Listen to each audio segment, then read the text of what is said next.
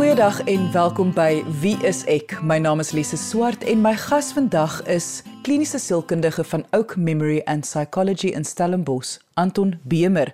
En ons gaan vandag gesels oor die nuutste navorsing rondom depressie. Ons gaan 'n bietjie kyk na wat is depressie, hoe kan jy dit identifiseer en watter behandeling deur die jare gewerk het en nie gewerk het nie.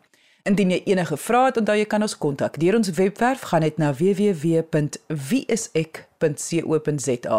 Maar kom ons luister nou eers na my gesprek met Anton Bemer oor die nuutste navorsing rondom depressie. Anton natuurlik moet 'n mens hierdie gesprek eers begin by die begin. So kom ons identifiseer net eers weer wat presies is depressie.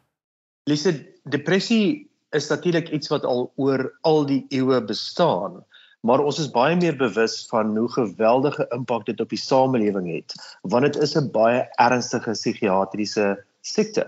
Dit is iets wat mense werklik lam lê, nie alleen omdat hulle emosioneel sleg voel of negatief voel nie, dit is iets wat al die plesier en lewenskrag uit jou lewe uit wegneem. Daar's 'n klomp fisiologiese simptome wat daarmee saamgaan, soos byvoorbeeld dat jy jou aptyt kan verloor. Jy het probleme om te slaap. Jou vermoë om net uit die bed uit op te staan en dinge te gaan doen is net plat teen die grond. En dit is nie alleen dat jou energievlakke so laag is nie, dit affekteer ook hoe jy dink oor dinge. So jou konsentrasievlakke word benadeel daardeur. Jy sukkel om besluite te maak. En dan is daar baie keer hierdie gevoelens van waardeloosheid dat jy na jouself kyk en 'n baie negatiewe prentjie oor jouself vorm en oor jou toekoms. Dit lei dan baie keer daartoe dat mense gedagtes kry oor die dood of om selfs hulle eie lewe te neem.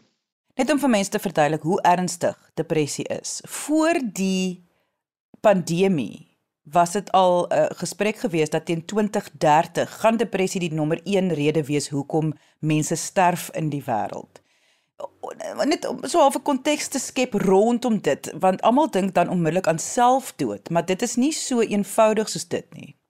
Ek dink die belangrike punt daar rondom is dat dit affekteer jou fisiese gesondheid. Dit is dat dit jou immuunstelsel afbreek. Dit is dat jou vermoë om jou werk te doen benadeel word en dit benadruk dan hierdie idee van dat jy nie goed genoeg is nie dat ander mense beter as jy is. En dit maak dat mense al meer onttrek van die samelewing, van hulle gesinne, van families en vriende af en hulle vind hulle self meer en meer in isolasie. So dit het 'n baie groot impak op 'n baie groot deel van die wêreldbevolking. Op enige gegeewe tyd is daar omtrent 300 miljoen mense wêreldwyd ba wat behandeling ontvang vir depressie. En dit sluit dan mense uit wat nie behandeling ontvang nie en ook een uit elke 6 mense sal iewers in hulle lewe deur 'n erge depressiewe episode gaan. Nou, omdat hierdie siekte vir ewig al saam met die mens kom.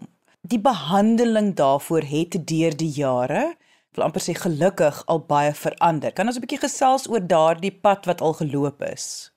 Ja, ek dink die belangrikheid daarvan is dat die probleme met depressie in die verlede was aan verskillende faktore toegeskryf. Sekere van daardie faktore was weet bonatuurlike faktore gewees dat jy nou sonde gepleeg het en jy is nou skuldig aan iets en en daarom word jy nou gestraf of dat jy waarskynlik nou nie goed genoeg gevaar het in jou lewe nie en jou werk nie en en daarom voel jy soos 'n mislukking. Nou weer eens, ons wil nie nou aller uh idees en teorie van die tafel afvee nie, maar die risikofaktore van depressie word baie beter uitgespel. Met ander woorde wat dit veroorsaak. Ons weet dat die biochemie in die brein 'n baie belangrike rol speel in die oorsaak nie alleen van depressie nie, maar natuurlik dan ook in die simptome van 'n voortgaande depressie.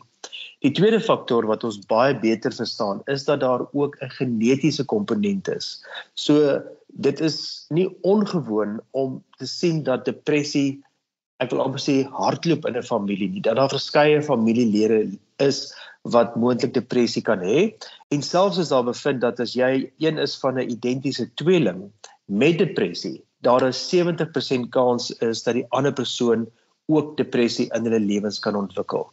En dan die ander twee faktore wat mens nie uit die oog moet verloor nie wat nou minder geneties of biologies is. Die een is persoonlikheid. Weet dat jy het 'n sekere persoonlikheid wat met sekere sensitiwiteite gepaard gaan.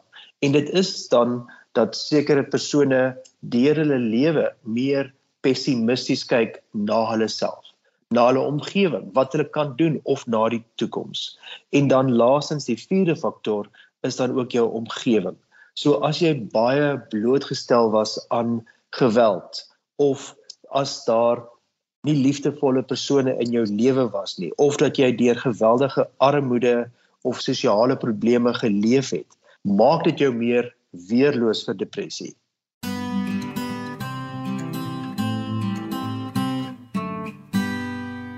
En die behandeling Anton, hoe het dit verander deur die jare? So omdat ons nou hierdie kom ons sê vier faktore het wat ons in gedagte hou as ons werk met iemand met depressie. Moet ons natuurlik nou kyk hoe ons al hierdie verskillende aspekte daarvan ook in die behandelingsproses en behandelingsplan inwerk. So medikasie speel natuurlik 'n baie groot rol, maar ek dink dit is ook foutief om te sê dat depressie die gevolg is van 'n chemiese wanbalans in jou brein dit is 'n baie vaal beskrywing van wat werklik plaasvind. Nou natuurlik is daar sekere chemikalieë in die brein wat 'n baie belangrike rol speel, nie alleen in die oorsaak van depressie nie, maar ook hoe jou gemoed gereguleer word. En natuurlik dan ook hoe stresvolle lewenservarings 'n impak het op die brein se werking. So medikasie is belangrik as ons dan kyk om hierdie prosesse hierdie neurologiese prosesse aan te spreek. Die ander voordeel wat jy nou gesê het van oor tyd hoe ons verstaan verander het, maar natuurlik het medikasie baie verbeter. En dit is nou dat daar 'n baie beter verstaan is van watter tipe medikasie vir watter tipe depressie vir watter tipe persoon aangedui is. So dit is geweldig belangrik dat daardie verskillende aspekte van 'n persoon en hulle tipe depressie in gedagte gehou word. Die tweede belangrike vorm van behandeling is natuurlik psigoterapie of wat ons natuurlik nou noem die waar jy praat met iemand, waar jy nie alleen teruggaan na dinge in jou verlede wat moeilik was nie, maar ook wat jy nou heidaglik ervaar. Hoe jy dink oor sekere aspekte van jou lewe of jouself of wat jy doen, maar natuurlik dan ook dat jy praat oor wat jy doen of wat jy nie doen nie, wat jy anders te doen En die terapieproses is ook 'n geïntegreerde paadjie wat jy stap met iemand waar al hierdie komponente bymekaar kom. Jou verlede, jou hede en waarna toe jy op pad is. En dan die derde vorm is elektrokonvulsieterapie wat in die ou dae skokterapie genoem is waar elektroïdes op die buitekant van die kop geplaas word en die brein van buite af gestimuleer word terwyl die persoon onder verdowing is. Nou hierdie tipe van terapie is natuurlik meer uitsonderlik, maar dit word al sedert die 1940s gebruik. En gewoonlik is die hoof fokus daar mense wat regtig baie lanktermyn sukkel met met terapie waarvoor medikasie nie help nie en aan die ander kant ook baie keer ouer persone wat al reeds op 'n klomp ander medikasies is vir byvoorbeeld hulle gesondheid en dan word elektrokonvulsieterapie of uh EKT gebruik om 'n ander manier te kry om die brein te stimuleer aangesien verdere medikasie waarskynlik baie meer kontra-indikasies gaan veroorsaak.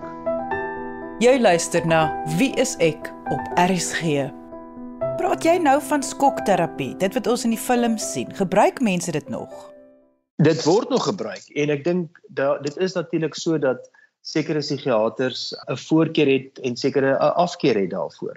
Maar daar is gevalle waar dit ernstig oorweeg word. Weereens veral as 'n persoon al vir dekades aan depressie ly en dit is regtig moeilik om met medikasie en terapie alleen 'n verandering te bring in hulle ervaring van depressie maar ook die impak van depressie op hulle lewens.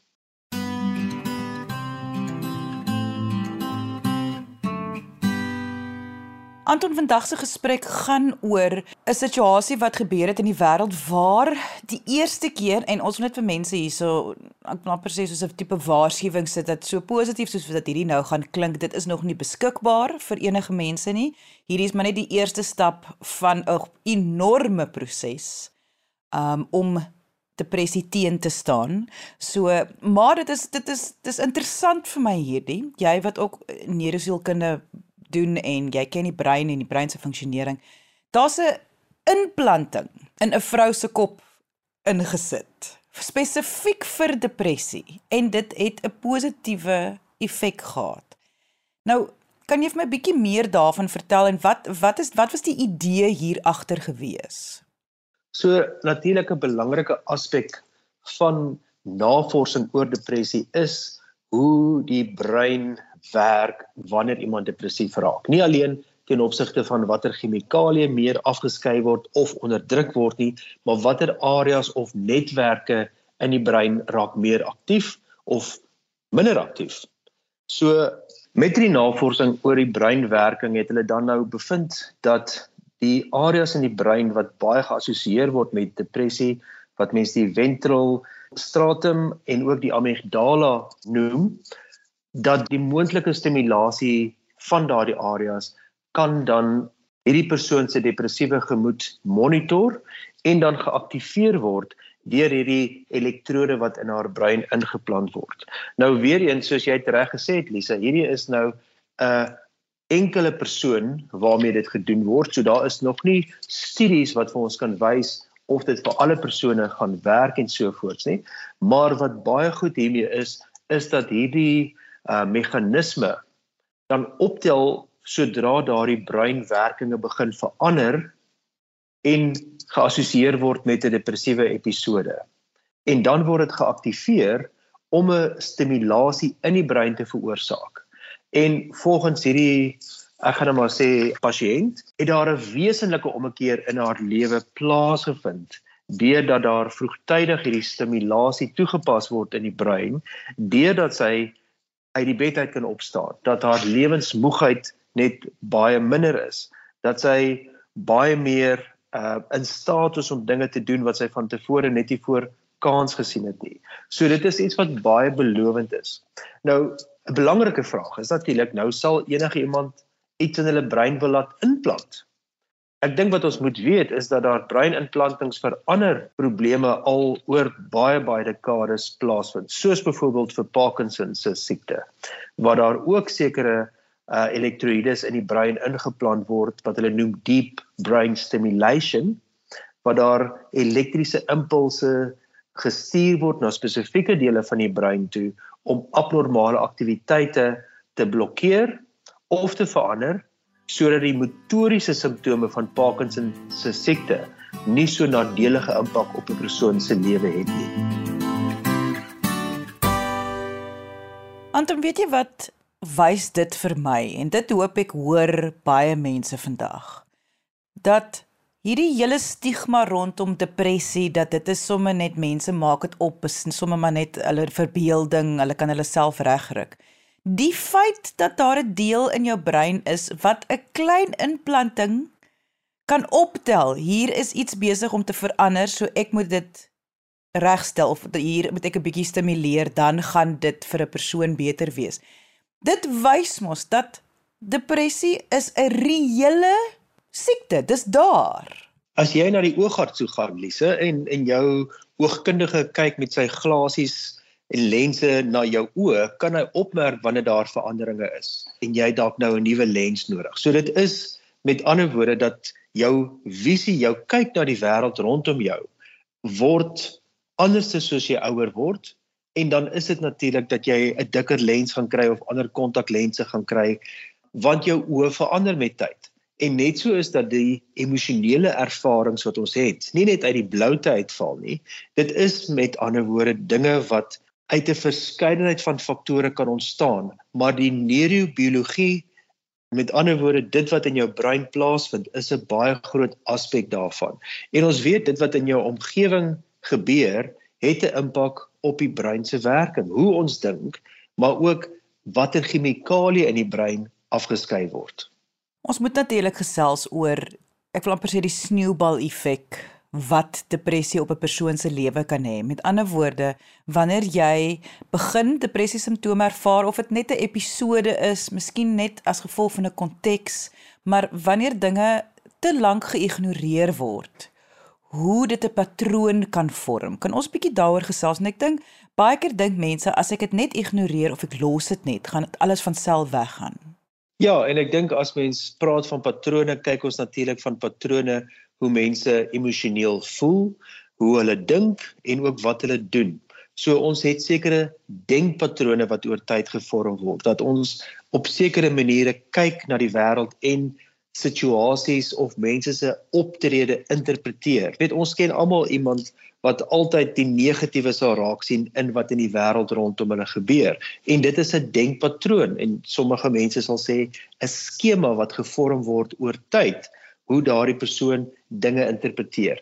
En natuurlik as depressie in jou lewe is, gaan jy nie opgewonde raak oor alles in die toekoms nie. Jy gaan nie entoesiasties opstaan in die oggend nie want depressie demp al daardie moontlike positiewe uitkomste en laat jou baie meer vasgevang raak in negatiewe moontlikhede.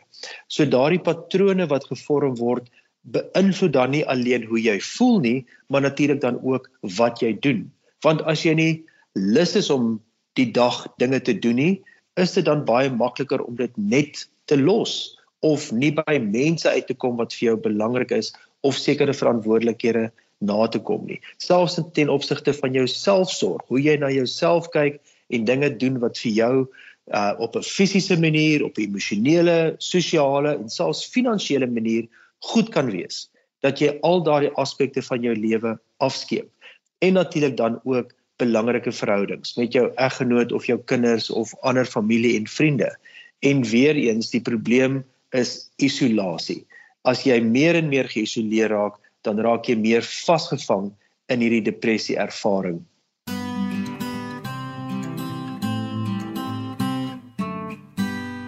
Die rede hoekom hierdie antwoord vir my so belangrik is, is omdat hierdie byvoorbeeld hierdie navorsing van die implanting en al die ander medikasie, alle stappe wat nou geneem word, gaan oor die extreme. Dit gaan altyd oor die extreme.